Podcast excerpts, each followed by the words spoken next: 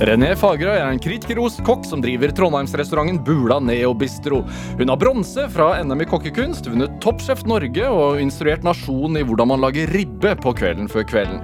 Fagerøys stil er eksperimentell og leken, men hun er ikke redd for å gå tilbake til det hun lærte fra da hun vokste opp på biodynamisk gård. Dette er Drivkraft med Vegard Larsen i NRK P2. René Fagerøy, varmt velkommen til Drivkraft. Hjertelig takk! Hvordan har du det?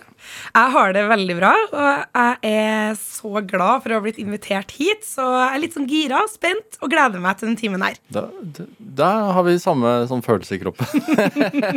er det det å være gira og spent, er det stikkord som kjennetegner deg? Eh, det vil jeg absolutt si. Det er jo egentlig litt sånn følelser som jeg jakter ganske mye. Og det å være gira og spent er jo noen ting jeg er så heldig å få lov til å kjenne på nesten hver eneste kveld i restauranten min, ja. Bula Neobistro i Trondheim. Ja. Og det er den girahet og spenning som bygges opp for gjestene som skal komme da, hver eneste kveld. Stengt i dag? Stengt i dag, så derfor kan jeg sitte her. Når er, når er restauranten åpen? Onsdag til lørdag, eller er Vi er åpen onsdag til lørdag, og vi er åpen kun på kveld, så vi åpner klokka fem hver dag. Og da kjører vi stort sett eh, to seat, dvs. Si at vi fyller restauranten to ganger. Så det er høyt tempo. Ja. Og vår minste meny er jo fem retter, men det er egentlig sju serveringer ut fra kjøkkenet. da. Ja. Så folk skal jo gjennom mange smaker når de er med der, så når man kommer inn dørene der, så blir man en stund. Hva slags plass er det? Bula er jo en bule. Hva var det da før dere tok over? Ja, Det var noe som faktisk var enda litt mer bulete nesten enn bula. Og det var egentlig en røykegang som gikk inn til et sliten bingolokale. Eh, så veldig lite glamorøst. Men du, eh, Hadde du vært der før du skulle lage restaurant? Vet du, jeg hadde mm, Når jeg skulle åpne Bula, så visste jeg jo at jeg skulle åpne en restaurant som het Bula. Det hadde jeg bestemt meg for. Hvorfor det? Eh, fordi jeg ønska å ha et litt rocka, upretensiøst sted hvor jeg kunne få lov til å holde på med akkurat det jeg ville. Og da følte jeg at eh, ja, det skulle være en bule, det skulle være en overraskelse. Når man kom inn, det skulle ikke se ut som et sted som kanskje hadde de fineste råvarene, de flinkeste kokkene, det, det kuleste, den kuleste vinpairinga og sånne ting. Du skulle ta det ned? Jeg skulle ta det ned, forventningene ned. Er, det, er, det for høy, er det for høy terskel for, å, for, for enkelte å, å, gå på restauranter som serverer bra mat? Eh, jeg vet ikke om terskelen er for høy, men jeg tror kanskje at um, at det, mange kan jo fort bli litt ukomfortabelt da, hvis det er for stivt. Ja. Eh, og jeg mener jo at det overhodet ikke trenger å være stivt i, i, det miljøet man sitter i for å nyte god mat og drikke og eksepsjonell service, som jeg påstår at vi har på Bula. da.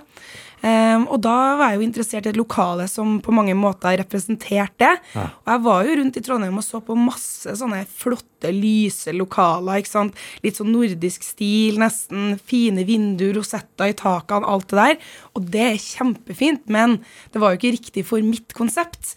Uh, og jeg sto liksom inne i de lokalene og tenkte sånn, ja, jeg er helt perfekt med en sånn derre et eller annet trebord, en nordisk designstol og liksom et strå på bordet, men det er jo, jeg er jo en maksimalist. sant ja?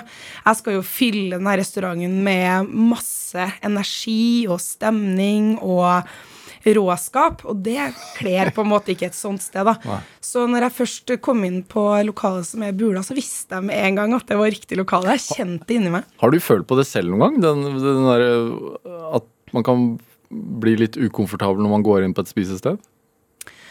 Um, ja, på en måte. Uh, ja og nei, vil jeg si, på samme tid, da. Jeg vet, jeg vet at du og, både du og mannen din Mannen din er også kokk som driver restaurant. altså At dere er matnerder. at dere Nå har dere fått barn, men før den tid så reiste dere verden rundt og spiste på restauranter, f.eks. Mm. Eh, jeg vil ikke si ukomfortabelt, fordi at jeg setter jo veldig pris på service og restauranter i alle nivåer, alle ulike sjikter, da. Men det jeg vil si, er at jeg, jeg kan jo si at min favoritttype service f.eks. er jo ikke fransk eh, trestjerners Michelin-service hvor det står eh, servitører som butlere langs kanten, og liksom det minste lite kremt eh, fra meg, så hopper det noen frem og bretter servietten inn og følger deg på do og fyller glasset ditt.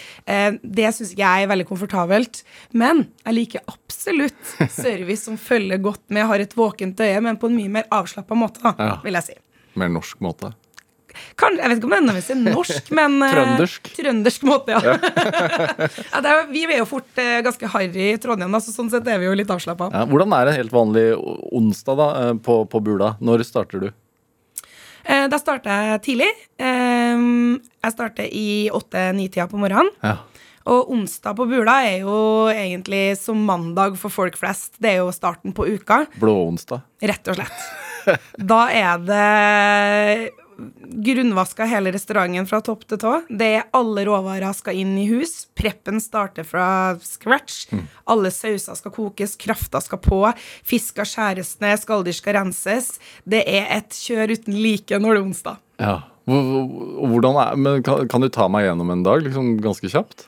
Sånn det funker for deg? Altså, du står opp åtte, og så når er du på Bula? Eh, nei, jeg er på Bula Du klokka på Bula åtte, ja. Eh, nei, så akkurat nå for tida så driver jeg jo dessverre og står opp i sånn 5-60, da, men det er ikke frivillig. men eh, jeg er på Bula i åttetida. Eh, og da er det en runde med mail og telefon, og det er det mye av, da. Mm. Eh, og da er det ikke nødvendigvis booking og gjester og den slags allerede så tidlig. Da er det mer leverandører. Hva kommer i dag? Et kjølerom med ikke-stykker i helga. Når skal det fikses? Eh, all sånn vedlikehold som har veldig mye med restaurant å gjøre. Det er alltid noen ting som er galt. Alltid en del du venter på. Alltid noen ting som ikke kommer. Noen, en annen råvare du må få isteden. Mye sånn der type logistikk holder på med på morgenen. Um, og så er det jo å gå gjennom menyen. Vi har jo en veldig flytende meny, så det vil er jo Det vil si at vi, avhengig av råvaretilgang, så, så setter vi menyen. Vi kjører jo enten fem retter eller ti retter til våre gjester. Det er bare to valg. Ja. Eh, Så det er jo mange serveringer, og jeg må sjekke at eh, tilgangen er der, vi får de råvarene vi skal ha, osv. Jeg bruker jo ofte helga, eller kokkehelga, som jeg kaller det, da, som er søndag, mandag og tirsdag, eh, til å tenke ut nye retter. Ja. Eh, Hvor ofte skifter du? Eh, jeg kan skifte én rett i uka. Jeg kan eh, plutselig ha samme meny noen uker. Altså, Ja. Kommer på sesongen hvor inspirert man er, og det er det som er friheten da, med å drive med en restaurant på den måten som jeg gjør. Har du kommet på noe nytt denne kokkehelgen? Eh, absolutt. Det har jeg. Kan du, kan du avsløre? Eh, ja, det kan jeg absolutt. Det jeg har kommet på, er en eh, ny servering hvor gulrot har fokus. Det kan jo høres litt eh, nordisk ut, kanskje, eh, men her tar vi jo da eh, grep og forvandler en gulrotservering til en liksom kinesisk-amerikansk retning, da. Hva vil det si? Eh, det vil si, som i stort sett over hele verden så finnes det kinarestauranter. Eh, og hvert eneste land har på en måte sin stil innenfor kinamat. Vi har norsk kinamatstil, vi har også er det amerikansk da, kinamatstil. Og der er det utrolig mye spennende å plukke fra det kjøkkenet, som jeg elsker. Eh, ganske snevert, eh, litt sånn Men nå ble jeg veldig nysgjerrig. Hva, hva skiller norsk-kinesisk og amerikansk-kinesisk? Sånn du ser det? Som jeg ser det, eh, så er det Det er jo mer spice. Eh, kanskje litt mer innovativt spennende i USA enn det er i Norge. I Norge så har vi mye sursøtsaus, mye wok, eh, og det er ikke noe galt med det, men det er ikke det som inspirerer meg. Eh, så denne gulrotretten, blant annet, for eksempel, da, Ja. inspirert av en rett som blir kalt for dandan-nudler, som egentlig er laga med svinekjøtt, men jeg har valgt å lage den da med eh, norsk sjømat, da. Så fokuset mitt er jo da sjøkrepsen som kommer fra Trøndelag, Ja. og gulrot i fokus. Eh, så, og og i grillen står jo ganske sterkt i kjøkkenet mitt i tillegg, så det er mye grillsmak, da. Så både Hva er det for en grill? Det er en liten japansk grill som vi fyrer med køl. En sånn bordgrill? Ja. Ja. Og det er sånn eh, perfekt vet du, når man allerede har bygd kjøkken, og så har man glemt å sette inn en grill. Og så kommer man på nei, men vi må jo ha litt grillsmak her. Perfekt. Den passer helt, helt rett under vifta. Ikke noe problem. Eller ventilasjonsanlegget, da. Så da lager vi en eh, kraft på grilla mm, sjøkrepshoder. Jeg kaller det hodejuice, da, for jeg syns det, det passer seg. Eh, og så lager vi sånne strekte, litt tjukke, deilige nudler på gulrotjuice.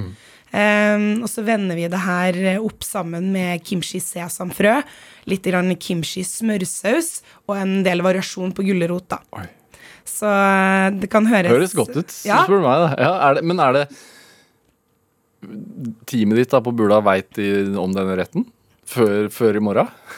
Eh, jeg, er jo ganske god på Det er det som er litt interessant, da, er jo at jeg er veldig god på å sende mail. Ja. Eh, det bruker ikke kokka å være så veldig god på, så jeg har prøvd å drille da min assisterende kjøkkensjef Alexander og min sursjef Andrea på å lære seg å lese mail. Fordi der kommer det veldig mye ideer. Jeg, skri, jeg sitter og skriver masse ideer i, da, med penn og papir i en liten bok som jeg har. Og så tar jeg da og så sender dem notatene på mail. Men da er det jo ikke sånn at de liksom får sånn en perfekt oppskrift. Sånn akkurat sånn skal det lages. Det her er oppskriften på den sausen. Liksom to klyper salt osv. Da er det mer sånn en beskrivelse av en visjon som jeg ser for meg. Så det er jo en litt slitsom person å jobbe med. Ja. Men det som er fantastisk, er at jeg har jobba med det teamet her i mange, mange år. Så det er klart at de kjenner jo matstilen, og de kjenner jo eh, ikke minst liksom smakene, da. Smaksprofilen. Så de forstår jo da det her liksom merkelige språket som jeg sender dem. Trenger du det derre uh, utfordringen, eller det å utfordre deg selv med å skape nye ting ganske ofte? Hele tida. Ja. Hvorfor det? Kunne du ikke hatt én meny, fast meny på våren, én fast meny på høsten? liksom? Det hadde jo helt klart vært veldig mye lettere. ja, det er det.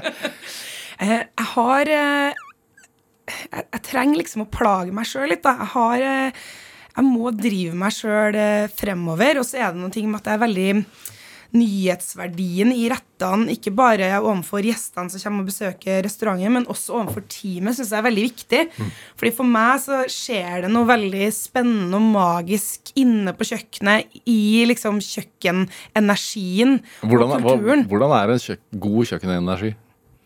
Eh, den er veldig fokusert, konsentrert, eh, men eh, rolig i kjøret og jaget og stresset.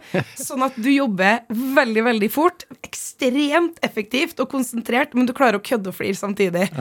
Eh, og det er det vi prøver å få til på Bula. da. Så vi prøver å skape liksom, en letthet i stemninga eh, som oppstår under et veldig veldig høyt press, da, som det er å levere mange mange retter.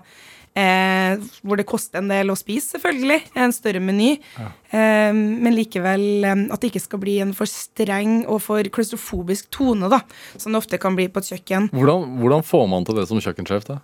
Eh, du må jo gi plass da, til de kokkene og de ansatte som er der. Du må Hvor, la dem hvor mange er dere?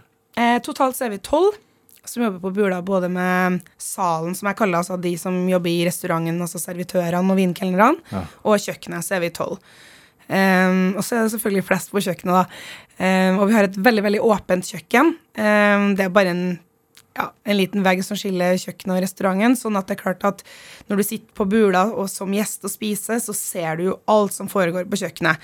Eh, og du ser ikke bare alt som foregår på kjøkkenet, du ser jo også alt som foregår inn i oppvasken, i skrubben. Altså, vi skjuler ingenting. Hvorfor vil du ha det sånn? Jeg har lyst til å vise folk hvordan det er å jobbe på kjøkken. Og da kan jeg ikke bare vise frem at vi legger urter med pinsett. Da må jeg vise frem at vi svetter, at det skrubbes og vaskes og pusses glass og springes. Eh, og, og som sagt, jeg oppfordrer jo og ønsker veldig at de som jobber på Bula, skal være seg sjøl.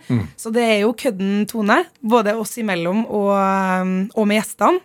Og vi har også to sitteplasser som vi kaller chef's table, som er eh, som er liksom rett inntil kjøkkenet. da, Så du sitter i pass, som det heter, der man leverer maten.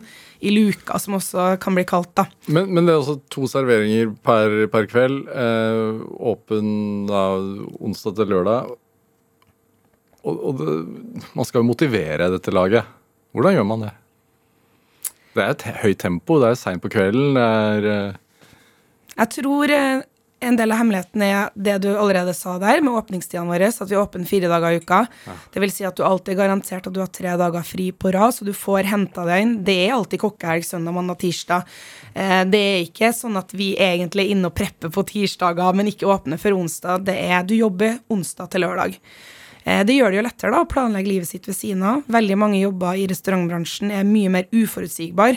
Eh, ikke sammenhengende fridager. Eh, miks mellom dagvakter og kveldsvakta som kan virke kanskje fristende, men det gjør at du snevrer inn fritida di hele tida med å jobbe sent, og så en dag fri, og så tidlig etterpå, ikke sant. Eh, mens her er det alltid tre på rad, da. Så hvis man har lyst til å ta en tur til Oslo og spise da, i kokkeelga si, eller man har lyst til å ta en tur på hytta, eller sånne ting, så finnes det rom og tid ja. for å ha et liv ved siden av eh, det å jobbe i ja, hva skal jeg kalle det, en ambisiøs restaurant, da, et ambisiøst restaurantmiljø. Og så tror jeg det er veldig viktig at vi også alltid sitter sammen hver eneste dag og spiser personalmat. Det fins også innafor arbeidsdagen så er det også veldig faste rutiner. Mm. Og er det noen ting vi mennesker egentlig trives veldig godt i, så er det jo faste systemer og strukturer.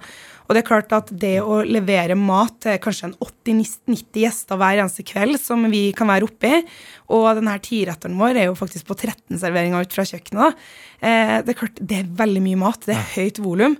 Eh, og det å da eh, Skal vi se, nå roter jeg meg litt bort. Eh, ja, eh, det er et høyt volum, og det er klart det skjer veldig mye uforutsigbart innafor de rettene. Så selv om vi bare har to menyer, mm. så er det jo klart at i løpet av en kveld, med tanke på en vegan her, en lakto der, en ditt at alle, alle, allergier som skjer, så er det ganske mange menyer vi ender opp med å kjøre til slutt, og du skal ha tunga ganske rett i munnen, for å si det mildt. Hva er det mest utfordrende gjesten å få? Mest utfordrende? Ja. Um, oh, veldig godt spørsmål.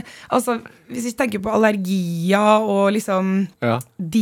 Diettforespørsler, for å kalle det sånn, så vil jeg si at uh, low food map er det mest utfordrende eh, som fins. Og det kan være veldig vanskelig å hensyntas, fordi low food map er jo en diett som en del folk går på når de sliter med IBS, som irritable bound syndrome, som mange gjør i dag. Ja, altså irritabel tarm, ja. ja mm. irritabel tarm. Eh, og den, det diettsystemet her som de blir satt på fra sykehus og lege, er på en måte bare en gigantisk gråsone.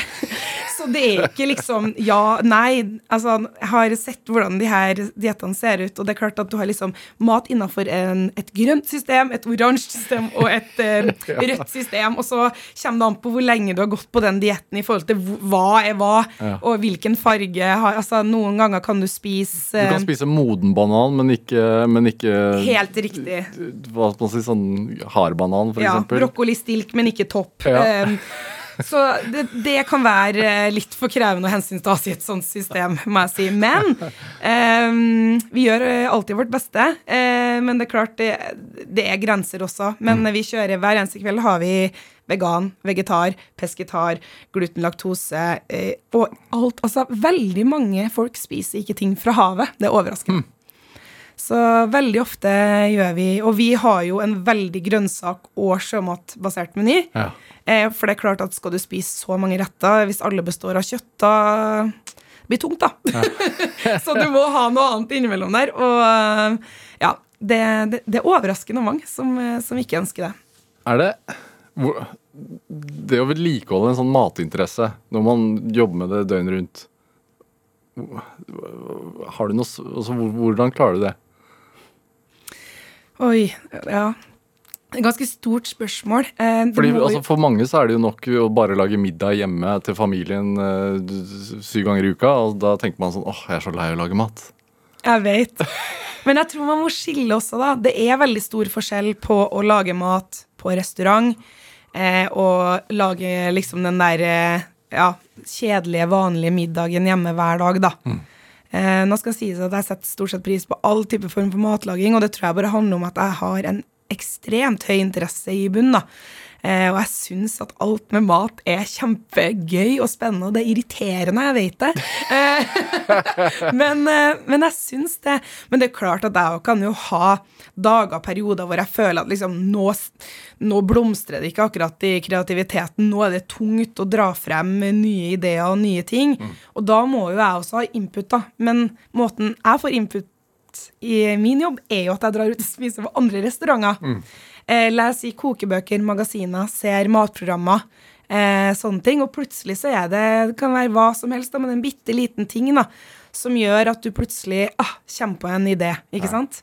Og så trenger jo ikke den ideen du lager videre, ligne i det hele tatt på det du har sett, men det handler om å bare vekke eh, kreativiteten igjen, da, hvis den er litt bort. Så det er ikke bare en jobb, det er en interesse også, som er en hobby, nesten?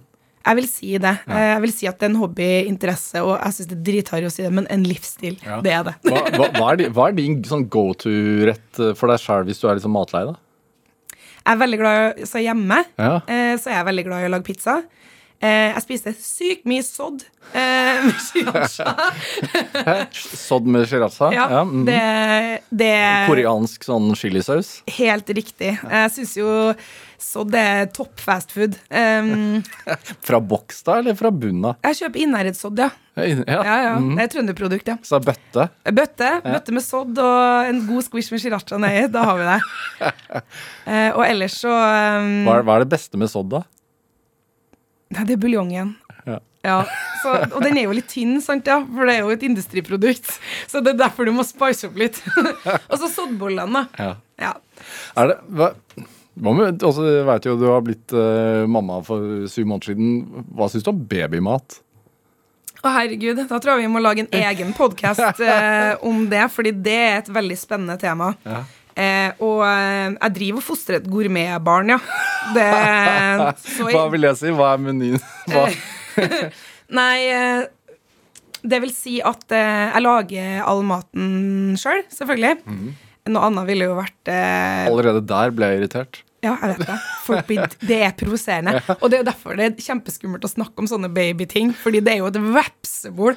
Men det jeg må si, da, er at eh, jeg forstår så godt at folk eh, handler ferdig ting. Eh, og, og jeg skjønner veldig godt at folk sliter med middag hver dag, men så må jeg alltid bare påpeke, da, når jeg driver der ikke sant, og lager den ene pureen etter den andre, og introduserer skrei til dattera mi og er helt heslig, sant, ja. eh, så, så må jeg jo si sånn Det koster jo ikke meg like mye å gjøre det som det koster for en person som ikke lager like mye mat. Det er jo litt sånn som det der med at liksom alt man kan, er jo ganske lett. Ja. ikke sant? Så det er jo klart det er veldig mange ting jeg ikke kan også, som jeg syns er irriterende å gjøre. Så jeg bruker å si at det er litt som for meg å lage babymat sjøl, er litt som å gå ut med søpla. Sånn, du klarer det, men det er sånn ah, Det er irriterende. Hva syns du om de der eh, ferdigrettene på glass, da? Nei, jeg syns jo det er trist at, uh, at uh, det skal være såpass mye ultraprosesserte produkter for små barn, da. Så det er jo klart at eh, i en ideell verden så hadde man jo sluppet å gitt det til babyer. Men, eh, men igjen, veldig forståelse for at man gjør det. Og så spiser de så bitte lite i begynnelsen òg, ikke sant. Skal du drive og lage bare de der to skjeene?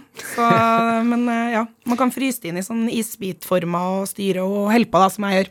Men tilbake til uh, Bula. Altså på en vanlig onsdag når det, så har dere, spiser dere personalmat sammen, og så prepper dere klart. Og så, hvordan er følelsen, altså stemningen i det laget før gjestene kommer? For jeg tenker sånn, for, for meg da, som bare opplever det andre siden, så, som, som gjest da, så har jeg sånn, kanskje pynta meg, eller og, og, og kona mi og jeg, vi er spente, og, og skal vi ut og spise, nå skal vi kose oss, liksom. Hvordan har dere det? Eh, på mange måter litt likt, ja, faktisk, som gjestene, fordi eh, Har du noen rutiner? Eh, hele dagen er en rutine. Ja. Sånn at eh, vi åpner jo jeg kan si, vi åpner jo Bula klokka fem hver dag. da. Så halv fire så spiser vi personalmat sammen. Da er det hele teamet. Da er det klassisk at vi for spiser fiskegrateng på alt avskjæret av fisken da, som ikke er bra nok for gjestene. Det spiser vi. Og så ligger fileten igjen og venter på at gjestene skal komme. um, da går vi gjennom bookinga for kvelden, alle sammen. Og da eh, diskuterer vi mulig problematikk som kan oppstå i løpet av kvelden. Hvis det er eh, et bord med seks personer, så skal det bordet bli tre toere, f.eks.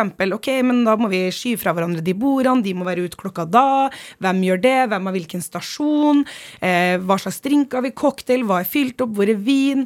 Eh, er det noe spesielle allergier den kvelden? Hva har vi preppa klart? Hva er det på gluten, da? Hva har vi istedenfor banana cream pie, som vi kjører nå? Hva for dem? Hva for dem som ikke skal ha den karamelliserte bananiskremmen med miso? Eh, hva for de? Stakkar dem som ikke får den, faktisk, for den er veldig god. Alle de tingene har vi gått gjennom. Så når klokka er fire, da rydder vi av persmatbordet. Og så går eh, alle kokkene inn på kjøkkenet, og så setter vi opp stasjonene våre. Eh, og da er det jo sånn at eh, da har vi en person som steker alt av kjøtt og fisk og lager alle sauser den kvelden. Vi har en person som gjør alt av garnish, altså pastaservering av alle grønnsaker. Så har vi en person som gjør alt av desserter og kalde snacks. Hva gjør du? Jeg står i pass. Hva, det, hva vil det si? Det vil si at det er på en måte dirigenten som eh, styrer kvelden. Ja. Eh, så jeg har koll på å be frem alt til kjøkkenet, som det heter. Er du streng? Eh, ja, det må man være. Ja. Fordi hvis eh, det ikke går fort nok, eh, og hvis du begynner å henge bak, da sliter du så sjukt. Så Jeg har liksom litt problemer med å se, se for meg deg streng. ja, jeg tror det er mange som har det, og da fniser alltid kokkene mine. For Fordi de var sånn De bare sånn Du bare later som jeg bare, at du er så snill og god. Nei da. Jeg er ganske hyggelig, men jeg er veldig tydelig. Um, så det er ikke noe tvil om liksom hvordan ting skal være, og hvordan det skal foregå. Og da er det jo sånn at eh, når klokka er fem, og gjerne kvart på fem, så begynner jo gjestene å komme allerede. Eh, og da står vi klar. Alt er klart. Da skal på en måte bare all maten monteres. Mm. Det er jo ikke sånn at du står og fileterer fisken og gjesten, eller sånn. Da, da henger du, da, som det heter på kjøkkenet. Da svømmer du. Da svømmer brillene på hvis du står og fileterer fisk når gjesten kommer inn. Veit dere dere har jo fått uh, bookinglista på forhånd og sånn. Kjenner dere igjen navnet på liksom, ah, det er anmelderen fra Adresseavisa? Eh, nå er det heldigvis ikke så mye anmeldere i Trondheim, da. Nei. Så, og der, det er jo veldig sånn ambivalent hva man mener om det. Det tror jeg de fleste som blir anmeldt, eh, kjenner på. da. Men eh, Fikk ikke du terningkast seks i VG? Det har vi faktisk fått. Ja. Men eh, det som jeg sier, det var den gangen. Neste gang er det sikkert to, så det Hvem veit? Det er i hvert fall ikke noen ting å, å gå og liksom tenke så veldig mye på, eller bruke så mye energi på, syns jeg ikke. For oss så er det de aller beste gjestene å ha, og de mm. gjestene vi håper på hver kveld, er jo de som er mat- og drikkeinteressert. For det er jo dem som er kjempegøy å ha i hus. Hvordan merker du at eh, det er eh, god stemning? Altså at gjestene koser seg? Åh, du bare merker på energien på bordet. Eh, du merker på blikket, blikkontakten, responsen på ting. Um, noen gjester er jo ikke interessert i å snakke i det hele tatt. Kanskje sitter de på en date eller møter et familiemedlem de ikke har sett på mange år, og er egentlig mer enn nok opptatt med seg å sitte på bordet. Ja. Og som uh, ja, servitør og kokk, da, så er det veldig viktig å prøve å lese det også. Vi jobber veldig mye med å lese bord og lese gjestene og prøve å forstå hvor mye de ønsker at vi skal være til stede ved bordet. Det er en viktig del av det å gi en god type service, mener jeg, da. Um, og det er klart at noen ganger bommer vi også. Vi kan jo lese et bord og tenke sånn her er de ikke interessert at vi skal være i det hele tatt, og så viser det seg det motsatte. Men det er, det er en sport da, å drive på med det der hele tida og prøve å liksom finne ut hva er det bordet her vil. Ja. Og den der spenninga som du nevnte tidligere, at du og kona di kan kjenne på når dere skal ut og spise, at man er litt spent før man går inn restaurantdørene. Det samme kjenner jo vi ikke sant, før dere kommer inn døra. Hvem er dere? Vi har sett navnet deres i bookinga. Dere skal sitte på bord 20. Dere har forhåndsbestilt det. ikke sant? Hvem er dere? Ja. Og, og, det finner man jo ut da, i løpet av kvelden. Og det er kjempegøy. hmm. Hvor mye hører man uh, av hva gjestene sier til hverandre? Veldig lite. Okay. Veldig lite, ja. Fordi det er så travelt, og en servitør har jo mange bord. Ja. Og det er veldig mye som skal leveres på hvert bord. Kokkene vi er jo også veldig mye ute blant gjestene og presenterer mat og sause, saus ved bordet og sånne ting. Eh, men vi har jo hele tida liksom, i bakhodet når vi er ved det bordet, så vet vi jo at liksom, så skal jeg inn på kjøkkenet igjen, og da skal jeg steke tre kamskjell, jeg skal gjøre ditt, jeg skal gjøre datt. Så, sånn at eh, man eh, man er veldig fokusert, og man tenker ikke så mye på gjestens samtale. Altså. Men også, René Fagerøy, du nevner jo kinesisk inspirert gulrot og banan, som er Hva, hva, hva sa du skjedde med den bananen? Banana cream pie. Ja, banana cream pie. Det høres ikke veldig trøndersk ut. Nei. der. Er, merker man når man av maten at man er i Trøndelag? Altså, jeg, jeg Hvor er sodden? Hvor er sodden? Eh, jeg har faktisk lenge tenkt på en soddservering, så det skal vi ikke fnyse av, for plutselig kan det komme noe soddinspirert. Men uh, enn så lenge så har det ikke skjedd. Um, det vi merker av Trøndelag på menyen, er jo at Eh, det er veldig masse råvarer fra Trøndelag på menyen, men de blir ikke nødvendigvis servert i, i sin liksom mest sånn nordiske form, da. Um, når det kommer til banandessert, så handler det jo litt om at nå er vi helt off-season når det kommer til alt av frukt og bær og sånne ting. Så nå er vi der at vi kan ha det litt gøy, da, og servere liksom banan til dessert. Men med en gang vi går inn i bærsesongen, den norske, vi begynner å få norske jordbær og sånne ting, da er det klart at da hekter vi oss på det. Ja. Men når vi likevel er på vinteren, vi likevel skal importere et eller annet, eh, hvorfor ikke kjøre banan, eh, karamellisert bananis med miso, tenker jeg. eh, vi skal spille litt musikk. Jeg veit at eh, du har med en låt som dere bruker på kjøkkenet også. Mm. Hva, hva, er dette her for noe? Eh, det jeg tenkte vi skulle spille i dag, var Pantera med Walk. Det er jo en ganske harry låt. da, Litt sånn trash metal-sjanger. Eh, Men det her er en låt som vi liker å gire oss opp til på kjøkkenet før service. Den er veldig tøff, veldig kul. Eh, litt hard, og så handler låta om respekt og ha ekte venner, og det syns jeg er veldig cute. Så, så setter på den hver kveld, nesten? Ja. Ha. La oss høre.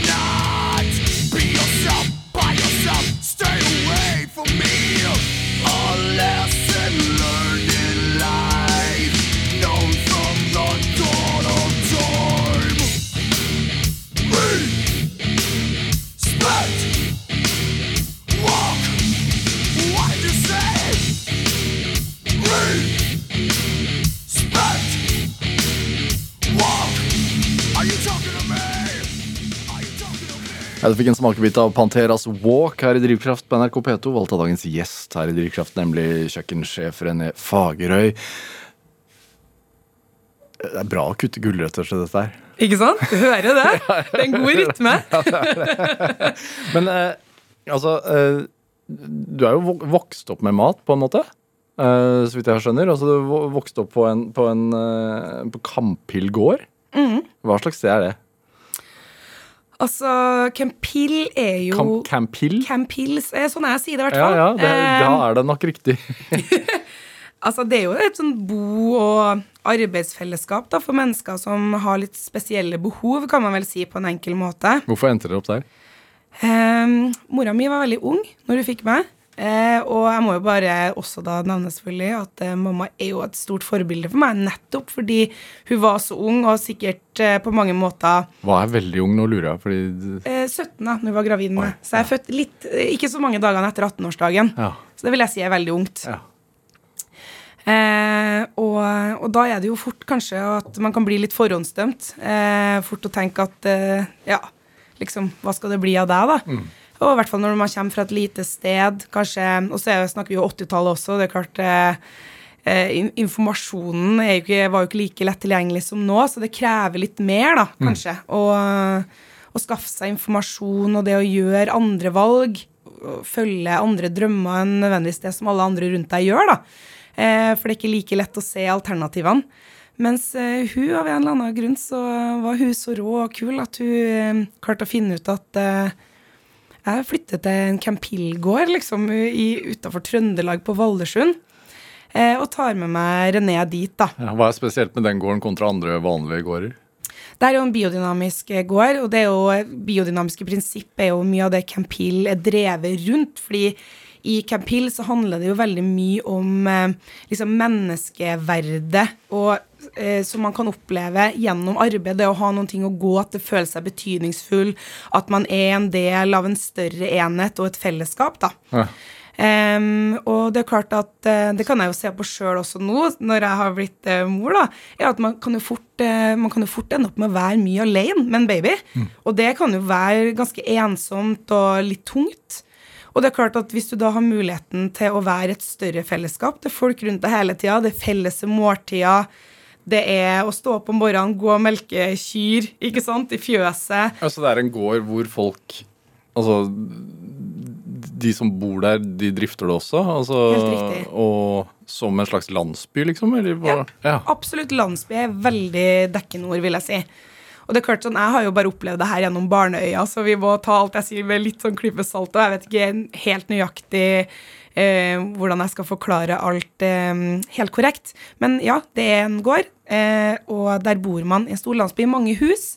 Eh, og så bor det mennesker med psykisk utviklingshemming. Eh, som eh, bor i ulike hus da, med andre medarbeidere som jobber, spiser måltid sammen. Og så har man selvfølgelig egne rom og alt sånt der, men det er veldig mye fellesskap, mye kultur, mye musikk, mye eh, skuespill, kunst, eh, og ikke minst gårdsdrift, da, og det å jobbe, arbeide med jorda, og Ja. verdien av jord, altså jordbruket. Hva er dine første minner fra gårdsdrift? da? Eh, for meg så er det et minne som, som alltid har vært der. Eh, og det har vært å kunne gå ut i åkeren og plukke grønnsaker. Eh, tørke jorda på buksa og spise dem sånn rett fra jorda, sånn som de er. Ja. Jeg hadde jo, når jeg var liten, så var liksom favorittgrønnsaken min var nepe. Og jeg tror ikke det var så veldig mange liksom i 89 som, som hadde nepe som favorittgrønnsak, da. Men jeg elska å plukke store, saftige neper i åkeren. Bare så brukte jeg tennene, og så gnegde jeg av det ytterste skallet på nepa, for det er litt sånn pepperrotsmak og litt sånn sterkt. Og inni der så er det jo så saftig og juicy, deilig kjerne. Jeg spiste sikkert ti stykker liksom i gangen. Det var noe av det beste jeg visste. Hæ, Var det andre unger der? Absolutt. Ja. Flere familier som bodde der. Eh, veldig veldig sosialt og fin måte å vokse opp på. I nærhet med naturen. da, Dyr, jordbruk, eh, de tingene. Mye liksom frihet til å være ute og leke. Eh, og gjøre litt sånn eh, som man vil. da. En hippie-landsby, nesten? Ja. på en måte. Jeg vil absolutt si det. Ja. Det er jo klart sånn, det er jo veldig mange sånne hippie-ting der. Altså, jeg tror ikke du så så veldig mange barn som gikk liksom med klær med, med store logoer, farger eller tegn, altså, uh, Disney-karakterer på, liksom. Det var litt mer sånn hjemmevevd stemning, ja. Mate, ma, ja, men sånn matauke og sjølberging, på en måte. Altså sånn, Ja. ja. Det kan du absolutt si. Altså kompost. Eh, og så biodynamisk, da. Eh, drift, selvfølgelig. Så man ser jo da eh, selvfølgelig jorda og kosmos og mennesket som en helhet, en symbiose, da, som jobber sammen for å, for å oppnå best mulig eh, eh, grønnsaker og, og så videre, da. Og veldig lite kjøtt, selvfølgelig. ja. Preger det deg på noen måte i dag? Eh, jeg vet ikke om det preger meg, men det er klart at eh, det har jo gjort at jeg ser på råvarer og, og kvaliteten på råvarer eh, som noen ting som er veldig viktig. Ja. Eh, og ikke minst eh, så ser jeg verdien da, av de råvarene, for jeg vet hvor mye det krever for å skape dem. Eh, og så tror jeg også at jeg bare har lært meg veldig mye sånne kaller det sånn tradisjonelle matprinsipper som jeg liksom nesten har fått inn med morsmelka. Hva er det for noe? Eh, nei, det var jo eksempel Jeg kan aldri huske at jeg ikke har kunnet bakt brød. Eh, det har bare Det er noen ting man bare kan. Ehm, jeg hadde um, Når jeg begynte som lærling som kokk også, og det var akkurat liksom når den litt nynordiske matbølgen begynte å komme, da. Da innså jeg holdt bare sånn ah, men jeg har jo alltid laga brenneslesuppe, eksempel. Skjønner du? Eh, jeg har ja, Vi har alltid hatt kvark eh, hengende på kjøkkenet, dryppende i et sånt stort klede som lukter litt sånn surt. altså, det var veldig mange ting. Kvark, hva er det? Eh, det er en type ferskost som man eh, lager sjøl. På melk. Eh, og det er klart at har du kyr, og melker du kyr, og du har melk, så har du jo uendelig med muligheter til å lage mye spennende produkter, da. Så veldig mange sånne ting som jeg kanskje tenker at ikke alle har vokst opp med, eh, har vært veldig naturlig for meg. Og det har jo gjort at eh, at man plutselig har bare innsett når man har blitt voksen. Sant? Det er det som er så spennende med de tingene man lærer som barn, og aldri egentlig reflektere over at man kan. Og så plutselig en dag så får du bruk for det. Og litt sånn føles barndommen min, da. Ja. At når jeg da ble kokk, så plutselig så var det veldig mange ting fra barndommen som bare dukka opp bak i hodet. Bare sånn Hei, det her kan jeg jo. Men det var jeg jo men det var ikke første øh, altså De første planen var jo ikke å bli kokk, da, så vidt jeg har skjønt. Altså, du reiste til England for å studere gå, den. Mm. gå den akademiske veien, studere kjønnsteori. Hva, hva, hva er dette her for et sidespor? Ja, det er helt, det er helt galskap. det er jo et kjempesidespor. Eh, nei, altså, jeg har jo alltid likt å lage mat, men jeg har jo, eh, når jeg vokste opp, eh, så har jeg vært i et eh, typ akademisk miljø, da. Så eh, det er nesten flaut å si, men jeg reflekterte ikke engang over at det gikk an å jobbe som kokk, liksom. Det å gå læretid, sånne ting, det var liksom uttrykk jeg typ aldri hadde hørt. Eh, Så for meg så var det naturlig å gå den akademiske veien, da. Og jeg likte veldig godt å studere på universitet også. Eh, En ting som er litt funny, da, er jo at når man går på universitet i England eh, Hvor i England? I Brighton, så jeg gikk på Sussex University, da. Ja. Eh, så, så, der er det jo Altså, der er det jo et prestisje å gå på universitetet. Jeg sier ikke at det ikke er prestisje i Norge, altså, men jeg sier bare at i Norge har vi jo gratis utdanning. Så det er klart at utdanninga er jo for de aller fleste som ønsker det. Mens i England så er det jo veldig kostbart å gå på universitet. Det er klart at det er et klasseskille der. Som eh, litt sånn dum norsk person, da, så er du ikke helt klar over det. Og ikke var jeg helt klar over heller at kokkeyrket hadde så innmari lav status. Jeg visste ikke at det var liksom sånn I England så er det jo litt sånn er du kokk, det er trash, ikke sant? Eh, så, men det var ikke jeg klar over. At de, eh, på en måte Da var du litt eh, Hva skal man si, da? I hvert fall upper middle class, da kanskje når du går på universitet. Ja. Eh, de som jobber som kokk, det er working class uten tenner og et alkoholproblem. Eh, så hvorfor vil noen bli det, på en måte? Eh, så når jeg da liksom stolt annonserte til mine medstudenter sånn Jeg flytter tilbake til Norge for å bli kokk, så tenkte de bare sånn I alle dager, liksom. Men hva var det som gjorde at du ombestemte deg, da? Um, jeg tror jeg bare ville jobbe med noen ting som var litt mer håndfast. Jeg satt liksom dag inn og dag ut og skrev eh, kritiske tekster til andre folk sine tekster. Ja. Um, det viktigste å gjøre hver dag var å kikke på word-counten på Word, liksom, og sitte og telle ord for å levere nok produsert tekst hele tida. Eh, og jeg gjorde det godt på universitetet, hadde ikke noe med det å gjøre, men jeg, for meg så det ble så flytende. Eh, og det er klart, eh, liksom, ja, bachelor i kj- kjønnsteori og medievitenskap, hva er det? Liksom, Jobbe som kokk? Ok, du lager mat. Ok, Hver dag så produserer du noen ting. Konkret, noe håndfast. Du bruker hendene dine, du lærer deg et håndverk. Eh, det var noen ting med det som appellerte veldig til meg. Også i tillegg til at interessen min for mat alltid har ligget der. Da. Så jeg har alltid vært en person som har laga mye mat hjem. Tidlig, liksom. Allerede sånn på ungdomsskolen liksom laga mat, invitert folk hjem på middag. Eh, og og, og syntes det har vært gøy å holde på med tingene der, da. Og da, det var som en eh, Hva skal man kalle det? da? En sånn liten sånn oppvåkning, nesten. Men var det en aha-opplevelse liksom, Ja. som gjorde sånn Nei, nå er det nok. Ja. Nå er ja, hva var det, da? Eh, altså, Aha-opplevelsen var at det var en aha-opplevelse i seg sjøl. Fordi jeg har liksom ikke klart å sette helt ord på nøyaktig hva Eller funnet ut nøyaktig hva det var som gjorde det. Men det var basically som at jeg våkna en dag og bare var sånn Nei, nå blir jeg kokk. Og da bare bestemte jeg meg. Eh, og da har jeg bare holdt meg til det. Hæ. Så det var, jeg har aldri hatt en sånn kjempedrøm eller noe sånt, men det var bare et eller annet inni meg en dag som bare sa sånn Det gjør du. Ja. Og så sa alle jeg gikk på universitetet med sånn Det er helt sjukt. Og gidde å velge å være en fattig arbeider uten tenner resten av livet. Så tenkte jeg ja, ja, jeg gjør det. Hva sa de hjemme da, når du kom hjem? Eh, jeg tror det var litt overraskende. Nettopp fordi at eh, jeg hadde jo ikke liksom Jeg kjente jo ingen i bransjen, sant, nei. Og man sier jo ofte liksom at eh, ikke kokkebransjen nødvendigvis, men restaurantbransjen som en helhet da, er en av de letteste bransjene å få jobb i. ikke sant? Folk bare kaster jobb etter det. Jeg fikk ikke jobb, jeg kjente ikke én person jeg, som jobba i bransjen her, så jeg brukte lang tid på å komme meg inn i tydeligvis den letteste bransjen i verden å få jobb i. Hva, hva, hva, ble Hva skal man si uh, Veiskillet der, da? Eh, Jeg fikk meg jo til slutt en eh, læreplass da, på Britannia. Men Ja. jeg gikk jo virkelig liksom bak døra. Det er ikke et hvilket som helst sted å få læringsplass, da. Nei, men nå må du huske på en ting. At jeg var ikke lærling på nye, flotte Britannia. Nei, jeg var lærling på gamle asbest-Britannia. Det er viktig å huske på.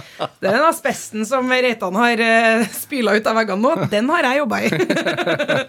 Så nei, det var et flott hus da, altså, men det var nok liksom helt på Det begynte å bli ganske falleferdig. Ja. Eh, og det var mye oppvarming av karbonade.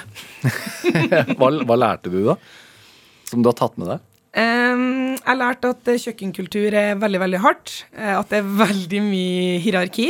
eh, og at når man er lærling, så er man nederst på rangstigen og må bare gjøre det man blir fortalt. Eh, og at eh, Når man står i det Fordi det, det, du, du, det, er jo, det ligger jo mye mellom eh, linjene her, Ja. skjønner jeg. Altså, hva gjør at man holder ut? Um, for meg så Jeg var jo litt eldre når jeg ble lærling, det må jo sies. Også med litt eldre, jeg var jo ikke kjempegammel, men var 22 da. Og de fleste lærlingene er 17-18 når de begynner, så det er klart at de årene der har noe litt å si likevel. Du har rukket å jobbe litt, studert litt, gjort litt forskjellige ting som gjør at du, du er litt tryggere i deg sjøl, da. Um, så for min del så sto jeg i det for jeg visste at det var midlertidig. Jeg visste at jeg skal ikke jobbe sånn her for alltid. Jeg gjør det her for å ta et fagbrev. Uh, og jeg på en måte gjennomskua gamet, for å si det sånn. Så jeg bare liksom tok det. Men eh, samtidig så er jeg jo irriterende òg, ikke sant. Flirer altfor mye, altfor positiv. Hva faen. Sånn skulle det ikke være. Det skulle være sur. Liksom skal, det var sånn kred-miljø. ikke sant? Akkurat sånn gammel sånn musikk-kred-miljø og sånn. Skal ikke være så blid. Skal ikke være sånn gladjente borti hjørnet da. Da skal man være litt sur og litt bitter. og liksom Hvis du skal få noe informasjon eller kunnskap om noen, da skal du jobbe for det. Det er ingen som gir deg noe gratis, liksom. Så um, Har det gjort noe med din innstilling i forhold til det å drive et kjøkken? 100 Ja. ja. Um, jeg har tenkt at uh, man skal få lov til å ha det fint på jobb. eh, og man skal få lov til å ha det forhåpentligvis litt gøy også, fordi det er hardt og det er tungt. Og det er ikke noe du trenger å liksom jobbe for at det skal bli, fordi det er det uansett å være kokk. Det er, det er høyt stress og høyt tempo. Eh, og fysisk og psykisk krevende. Eh, det var en gang noen som sammenligna det å stå og kjøre service sånn som vi gjør, da. em, på kvelden når vi har åpent, med alle de multitask-operasjonene vi gjør. Eh, Sammenligna det med liksom å være en hjernekirurg en gang til meg. At du bruker liksom like mye kapasitet. Og det, den har jeg tatt med meg. den tar jeg. Den kjøper jeg. Hvordan er det psykisk eh, krevende?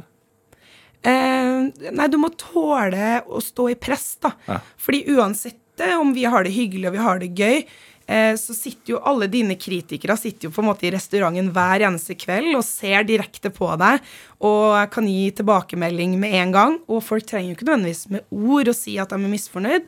Apropos den energien jeg sa litt tidligere, da, som mm. du kjenner på når du går ut og snakker med gjestene, du er på et bord. Eh, den energien de gir deg også, den forteller jo veldig mye om de er fornøyd, om ting ikke er som det skal være. Og du ønsker jo å skape en god energi hele veien, så det er klart at det også er jo en type kritikk da, å mm. stå i. Eh, de der direkte tilbakemeldingene. Og det er jo veldig unge folk som jobber i bransjen her, så de skal tåle veldig mye. Mm. Eh, men jeg ønsker jo at eh, man skal klare å skape en letthet rundt det å, å stå i den koken der, da. Mm. At det kan ikke være blodig alvor 24-7. Hvor viktig var uh, matkonkurransen Toppsjef for deg? Eh, den var veldig viktig, fordi på mange måter så ga den meg kanskje litt selvtillit. Jeg er jo en sånn herre eh, Litt sånn arbeidshest som eh, hele tida ser framover, og med en gang jeg har laga en rett som jeg begynner å bli fornøyd med, eller syns kanskje begynner å nærme seg et eller annet sted hvor man kan si at den er perfekt, eller at det ikke er mer å jobbe med, mm. da er jeg ferdig, og så må jeg liksom videre og jage hele tida. Og det er også fordi at jeg er veldig redd for å gjøre en dårlig jobb, eller ikke jobbe nok jeg tar veldig mye stolthet i å, å liksom skal jobbe og vise at jeg har jobba nok, da. Eh, som er en sånn der gammel eh, kokkeskade, rett og slett. Eh, men Toppsjef var jo første gangen jeg møtte eh, og konkurrerte mot masse andre kokker som jeg liksom tenkte var sykt mye flinkere enn meg sjøl. Mm. Eh, og så så jeg at jeg liksom gang på gang eh, gjorde det like godt, og også bedre innimellom enn dem. Og det var veldig sånn eh, sjokkerende nesten å, å se og oppdage, fordi at jeg så meg sjøl som en ekstremt underdog ja. og tenkte at jeg ikke når opp her i det hele tatt. Eh, så sånn sett så bygde jo en viss selvtillit. Eh, som gjorde at jeg i hvert fall torde å satse på å åpne egen restaurant. da. Ja, For da konkurrerte du mot andre etablerte kokker? ikke sant? Helt riktig. Det er jo ja. det som Toppsjef er. I motsetning til Masterchef så er det jo Toppsjef er jo for etablerte kokker som konkurrerer mot hverandre. Og det er klart at jeg ble jo eh, henta inn til det programmet der, og jeg bruker jo ofte å kødde da, og si at eh, det er fordi jeg representerer to ting som det er lite av i bransjen, og det var liksom dialekt og kvinne. så jeg kunne liksom by på begge deler i en person, og det var litt greit, for det var klart at det var veldig mange gutter fra Oslo. Mm. Eh, de er jo lettere å finne. Um, men um, jeg hadde jo konkurrert veldig masse som kokk, og jeg var vant til å konkurrere som eneste jente. Uh, og å konkurrere i mat er jo i hvert fall um, altså det krever noe, i hvert fall et veldig høyt tempo. da. Mm. Og så i forkant av Toppsjef hadde jeg jo konkurrert mye på egen hånd. Sånn at jeg hadde liksom det tempoet, den driven i kroppen, tror jeg, når jeg kom ned dit, da. Som gjorde at jeg ved flere anledninger så flira jo liksom de andre kokkene bare sånn Herregud, har du dobbelt så lang tid som oss andre, eller hva faen er det som skjer? Fordi jeg hadde produsert mye mer, eller flere ting, da. Eh, og det Bak, tror jeg Bakt brød siden du hadde fire, vet du. ja, det var det. Og brødbakeskillsa som kom fram der. og, og, du vant jo til slutt. Det gjorde jeg. Og, og du ble jo kjent også for, for uh, uttrykket fritter skitten'. Stemmer. Uh, kan man fritere alt? Ja, stort sett. Ja. Det kan man. Jeg har uh, fritterskitten. Det har blitt med meg en stund, ja. Og jeg må bare si, jeg har jo en helt nydelig lærling, da. Eh, og det er virkelig ikke jeg som har fått den til å gjøre det, men han har faktisk tatovert fritterskiten på armen. Og jeg bare sånn Du kommer til å angre. Hvorfor gjorde du det der? Han bare Det er dritkult, da. Så bare Jeg vet ikke. Så ja da, det har blitt et varemerke. Ja, ja. Kan aldri gi han fyken, vet du. Jeg kan ikke det. det er jo eh, i forhold til, og så, og så har du, Etter det så har du jo etablert deg altså som TV-kokk. Du har vært dommer for for uh, matkonkurranser og også vært TV-kokk på Kvelden for kvelden uh, for å fortelle hvordan vi skal steke ribbe. Nå, siden jeg har det her, altså, Nå er det jo påske, det er en annen mathøytid. Hva, og lammet er jo selvfølgelig klassikeren. Men hva annet skal vi lage? Åh, oh, jeg tenker jo at eh, Frittert lam, si. Nei. Frittert lam, ja. Nei, men eh, det er jo absolutt ikke noe i veien for å lage lammelår. Det er jo kjempegodt. Men eh, jeg tenker jo at eh, vi bør eh, også ha litt fokus på forfoten på lammet, da, siden vi bare driver og diskuterer bakparten hele tida. Er det skanken, liksom? Så bog. Bog, ja. Bog heter det. Ja. Så på bogen, altså på framfoten på lammet, så er det jo mye mindre kjøtt da, enn på bakparten. Eh, og det ligger et stort, litt sånn bredt, flatt bein eh, inni der som tar en del plass. Men det kjøttet rundt er helt, helt fantastisk. Men krevende, eller? Ikke mer krevende, men det er klart at et lammelår kan man jo rosasteike til en viss grad, da. Nå er jo jeg mest glad i å beine ut eh, lammelår for å få um, litt sånn jev mer jevnere steking uansett. Så jeg liker å beine dem ut og legge det helt flatt da. Ikke rulle det opp. Eh, men eh, bogen, perfekt å steke på benet. blir kjempe, kjempegod smak. Hva gjør man da? Eh, man kan f.eks. Eh, velge å gå litt sånn indisk til verks, da. Det passer jo lam veldig godt, det. Det er jo gode krydder. Yoghurt, garam masala, kummin, ferske urter. Eh, godt med grønnsaker. Eh, bakt aubergine, chili. Eh, de tingene der. Kjempegodt. Ja. Så det må ikke alltid være liksom potet, fløtepotet og, og lammelår, da. Indisk lammebog, altså på påskeaften? Ja, det syns jeg. Det må vi slå til med. Det er jo, lam er jo um, Hva som ikke Noe annet enn lam, da? eh, Da tenker jeg at vi må gå til fisk. Ja. Eh, fisk er jeg veldig glad i å spise sjøl, og det er jo perfekt å ha i frysa. Vi skal ikke være så redd for å ha fryst fisk. Hva er bra påskefisk? Kveite. 100 Kveite, blåskjellsaus. Åh, Ja. nydelig. Eller fritert, da. Fritert kveite. Kveite corndog. Åh, små biter med kveite. Fritert. Serverer i lompe som en pølse. Ja. Åh, digg, da. Hva er det rareste du har fritert? Å, herregud. Jeg kan svare på det meste, men eh, der kjente jeg at jeg ble helt uh, Rareste jeg fritter. Rar, altså, I Toppsjef så måtte jeg jo fritte havmus, da. eh, som er en type fisk. Ja, Ehm, på det tidspunktet var det i hvert fall det rareste jeg frittert. Og egentlig Ja, det ser ut som en liten hamster. Det var litt eh, absurd. Nå ser jeg jo at uh, f.eks. Jimmy Øyen, han har jo vært her òg. På hans restaurant Rest så bruker de jo havmus, da. Eh, nå. Men det, på det tidspunktet der så var det nå ingen som hadde eh, typ sett det før, da. Så det var ganske rart. Havmus. ja. Er det Og så burde det ha vært åpent noen år nå. Mm, snart seks, faktisk. Ja, Nå i mai. Mange som starter restauranter som går bra, ekspanderer jo. Har du noen sånne fremtidsplaner? Um, har faktisk tegna opp og, og planlagt flere restauranter og konsepter, men jeg har valgt å ikke åpne dem. Eh, så jeg har masse ideer og syns at det er veldig spennende. Og det er klart sånn, det å åpne noe nytt, apropos energi, da, som jeg er veldig opptatt av, eh, det gir jo den der, det, det er nyforelska følelse, ikke sant. Det bare pirrer i hele kroppen når du setter i gang med sånne prosjekter. Men så er det noe ting med å holde det ved like, da. Klare å holde kvaliteten. Og jeg selv om jeg er en veldig more is more-person, så akkurat når det kommer til restauranter, så tror jeg ikke nødvendigvis at more is more. Da tror jeg at less is more. Og det å ha ett sted hvor du klarer å ha ordentlig fokuset, og du eh, har tilstedeværelse eh, som leder, da, ikke minst, det er ekstremt viktig, for å liksom opprettholde kvaliteten. da. Så enn så lenge så har det ikke stått på tilbud, eh, men jeg har ikke tort og tatt det videre, nettopp fordi at bula er på en måte det viktigste. Det er den første babyen. Det må gå bra. Og i vår bransje så er det jo eh, veldig, veldig vanskelig å slippe opp og fortsatt se at det blir levert samme nivå, da. Og det er jo derfor de fleste som starter suksessfulle restauranter, er veldig tilstedeværende. Fordi det er veldig vanskelig å ikke være det. Hva er, hva er det beste med å gå på restaurant? da? Det beste med å gå på restaurant, det er hele pakka. Nummer én, fra å liksom planlegge restauranten, legge det inn i kalenderen, booke bord, få bordet, glede seg. Den dagen gå og ta en pils eller et glass vin før man skal på restauranten. Kom inn, første møte, sette seg ned. Hvilket bord får man? Liksom, hvor er man plassert i restauranten? Hva er viben? Hva er musikken? Eh, hva slags servitør får man? Bonder man litt med den personen? Altså, det er hele den pakka, og så ikke minst maten på bordet. Når du får de der ordentlig, ordentlig, ordentlig gode smaksopplevelsene, og gjerne med et godt glass vin til.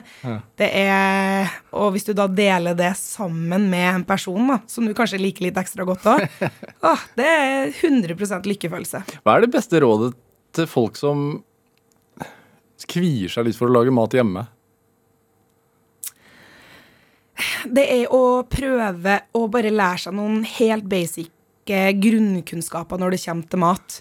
For jeg tror at eh, det som gjør det veldig slitsomt for mange å lage mat, er jo at man liksom eh, må stå og veie opp og telle opp og da, da tar jo ting tid. Hvis alt jeg skulle lage at jeg sto med desilitermål og vekt og sånne ting, så klart det tar mye tid. Men hvis du by, blir trygg på liksom sånn Jeg slenger oppi litt løk og litt hvitløk og koker en tomatsaus og har en potte timian, og så trenger det ikke å være så mye mer farlig enn det. Og den sausen kan bli både tomatsuppe og lasagne og eh, saus til lammelår, så, så tror jeg liksom Når man klarer å, å bli litt fri da, i Ja. matlaginga, Tørre å leke. tørre å leke litt, Ja. ikke, altså ikke trenger å være så farlig. René Fagerøy, time går fort. Hva, hva er drivkraften din, tenker du? Oi. Eh, nei, drivkraften min er jo det å forstå og lære seg matens verden, rett og slett, og råvarens verden. Og eh, hele tida bli bedre på å lage mat. Og det å ikke minst få lov til å lage mat sammen med masse unge folk med deilig energi, det driver meg fremover. Rene Fagerøy, tusen takk for at du kom til Drivkraft. Ha det bra. Hør flere samtaler i Drivkraft på nrk.no eller i appen NRK Radio. Produsent i dag det var Kjartan Aarsand, mens Olav Tessem Widsvang bidro med research til denne sendinga. Dette var Drivkraft. Jeg heter Vegard Larsen. Vi høres. Den siste tida har internett vært prega av et intrikat trekantramma. En haug med små amatørdetektiver mener nemlig at modellen Hailey Bieber er besatt av Selena Gomez. Okay, I have proof that Haley Bieber is copying Selena Gomez. Forever. Men er alt bare egentlig løgn og ondsinna rykter, eller er det faktisk sånn at sannheten alltid fins på internett? Hør alt fra Oppdatert kun i appen NRK Radio.